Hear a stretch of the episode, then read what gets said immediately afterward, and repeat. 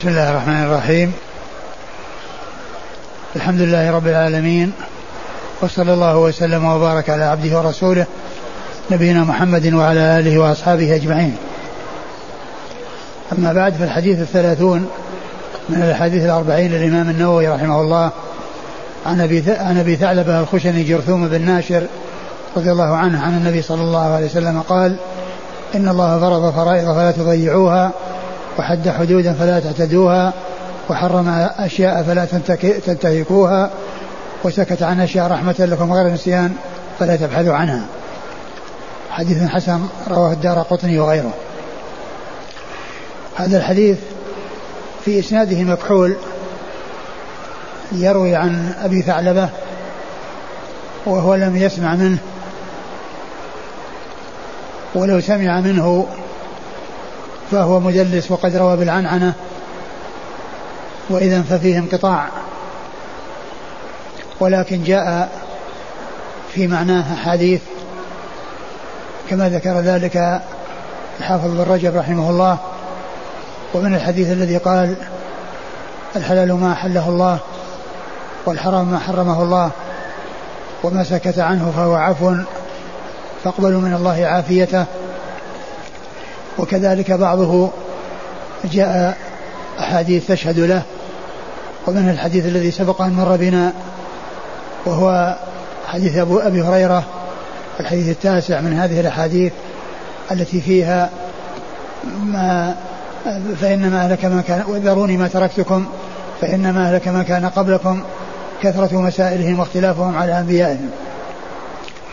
وعلى هذا فيكون المعنى الذي جاء فيها الحديث وإن كان هذا الإسناد منقطعا من بين مكحول وبين أبي ثعلبة إلا أنه جاء في معناه ما يشهد له وما يدل عليه.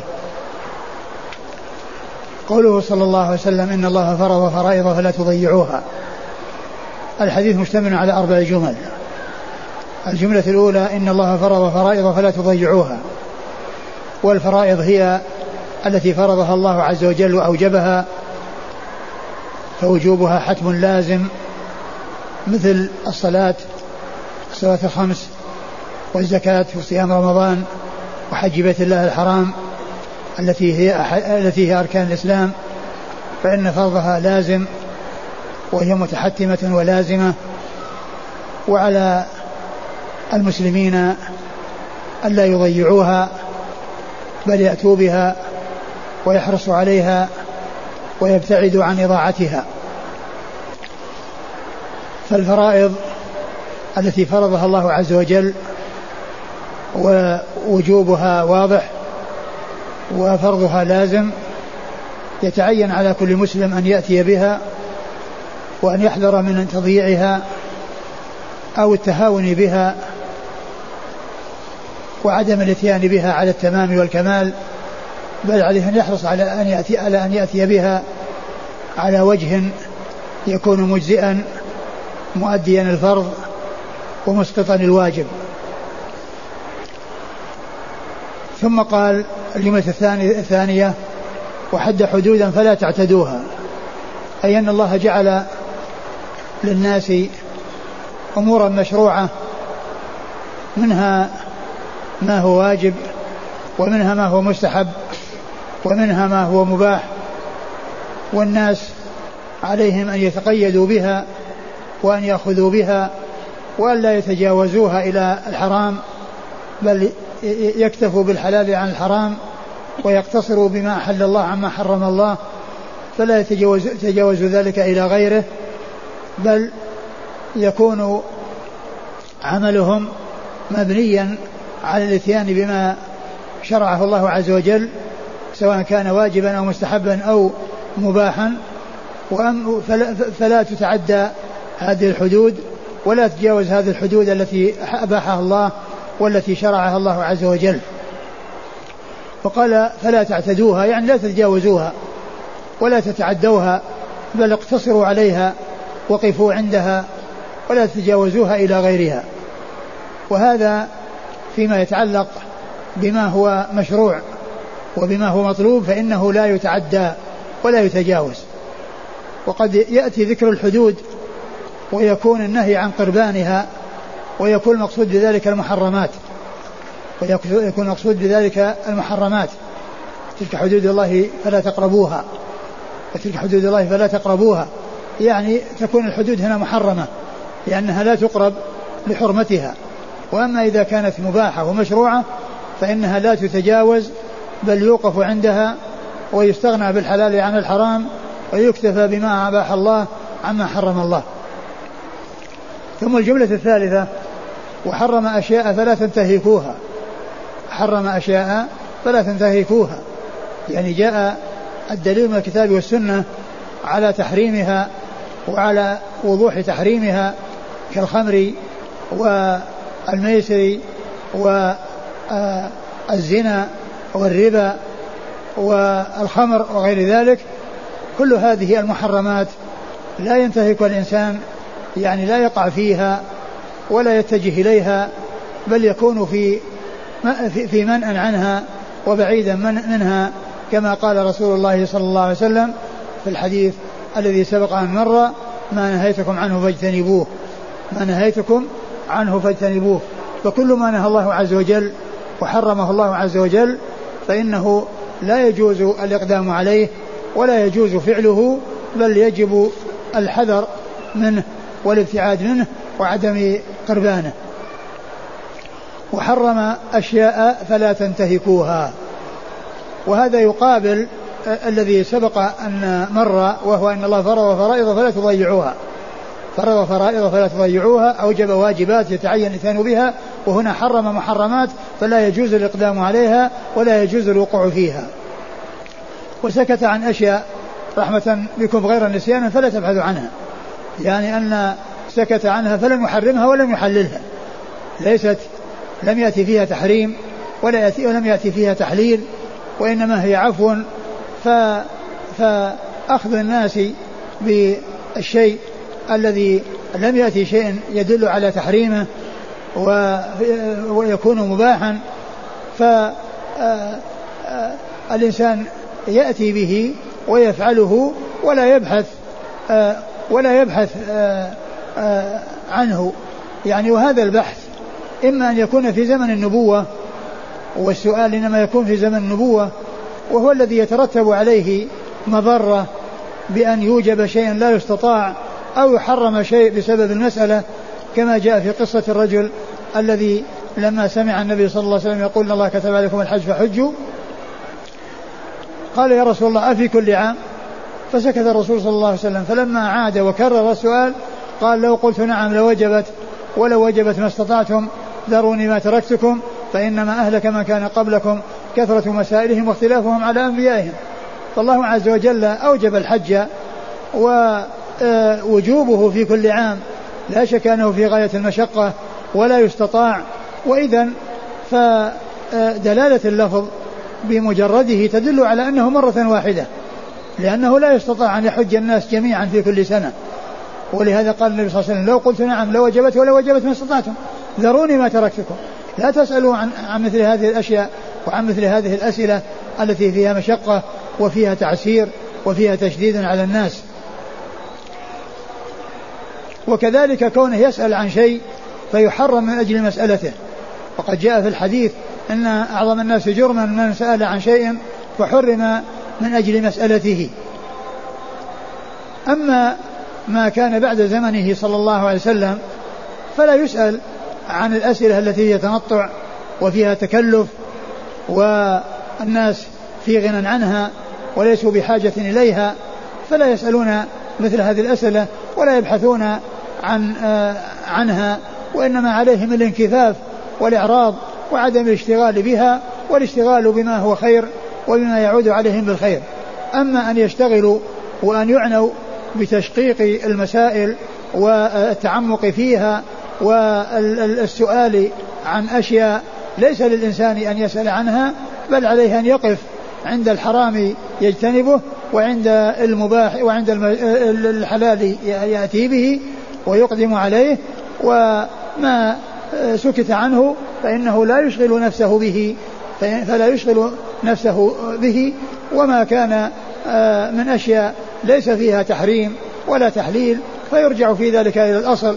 ما كان الأصل فيه الحل فإنه يبقى على ذلك الأصل وما كان الأصل فيه التحريم يبقى على ذلك الأصل و آه، ولا آه، يشتغل بالتكلف والتعمق في المسائل التي لا يجدي التعمق فيها والتي جاء أيضا ما يدل على المنع من ذلك كما في حديث هلك المتنطعون.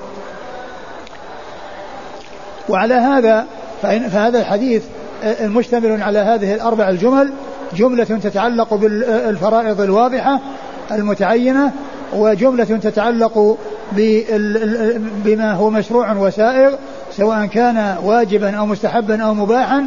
وأنه يقتصر عليه ولا يتجاوز الحد بحيث يتعدى بل يوقف عنده. والثالث ما يتعلق بالحرام الواضح فإن الإنسان يتركه ولا يقع فيه. والرابع ما كان مسكوتا عنه فإن فإن فإنه مما عفى الله عز وجل عنه. والإنسان يأخذ به ما لم يكن هناك نص على تحريمه. فإنه مما أباحه الله ومما أحله الله عز وجل ولكن لا يشغل نفسه في أمور آه، آه، لا يسوغ له الاشتغال بها كالتعمق والتكلف والسؤال عن أمور ليس له أن يسأل عنها وليس من ش... آه، وليس يمكنه أن يصل فيها إلى جواب وإنما عليه أن يكف عن ذلك وأن لا يقدم على ذلك. هذه هي الجمل الأربع التي اشتمل عليها هذا الحديث حديث أبي ثعلبة الخشني جرثوم بن ناشر رضي الله عنه. أما الحديث الحادي والثلاثون فهو حديث آه، أبي العباس سهل بن سعد الساعدي رضي الله تعالى عنه صاحب رسول الله صلى الله عليه وسلم أن رجلا جاء إلى النبي صلى الله عليه وسلم وقال يا رسول الله دلني على عمل إذا عملته أحبني الله وأحبني الناس. فقال عليه الصلاة والسلام ازهد في الدنيا يحبك الله وازهد فيما عند الناس يحبك الناس. هذا الحديث آه، آآ آه، سأل سائل رسول الله صلى الله عليه وسلم عن آه، أمر يجعله إذا فعله محبوبا عند الله ومحبوبا عند الناس ويكتسب عملا يجلب به محبة الله ومحبة الناس. فالرسول صلى الله عليه وسلم أرشده إلى أن يزهد في الدنيا فيحصل محبة الله وأن يزهد في ما عند الناس فيحصل محبة الناس. والحديث يدل على حرص أصحاب رسول الله عليه الصلاة والسلام على الخير ومعرفتهم آه، أمور دينهم وحرصهم على ما معرفة ما يجلب لهم محبة الله ومحبة الناس. على ما يجلب لهم محبة الله آه الذي محبته آه لهم. فيها خيرهم وسعادتهم ومحبة الناس التي آه يكون فيها السلامة يعني من من شرهم ويكون فيها آه آه, حصول يعني ما يناسب يعني بينه وبينهم من أمور لا يلحقهم يلحقه فيها ضرر ولا يلحقه فيها مشقة ولا يلحقه منهم ذم بل يسلم من شرهم يظهر بخيرهم ويسلم من شرهم. فالحديث يدل على حرص الصحابة رضي الله عنهم وأرضاهم على الخير وعلى حرصهم على ما يجلب لهم محبة الله عز وجل ومحبة الناس. والنبي صلى الله عليه وسلم قد أوتي جوامع الكلم صلوات الله وسلامه وبركاته عليه فأتى بهذا الجواب المختصر الوجيز الذي فيه أن أنه يزهد أن الإنسان يزهد في الدنيا فيكون ذلك سببا في محبة الله عز وجل إياه. وأن يزهد فيما عند الناس فيكون سببا في محبة الناس له. والزهد في الدنيا آه، آه، من أحسن ما فسر به ما ذكره الحافظ بن رجب عن آه، أبي سليمان الداراني أنه قال أن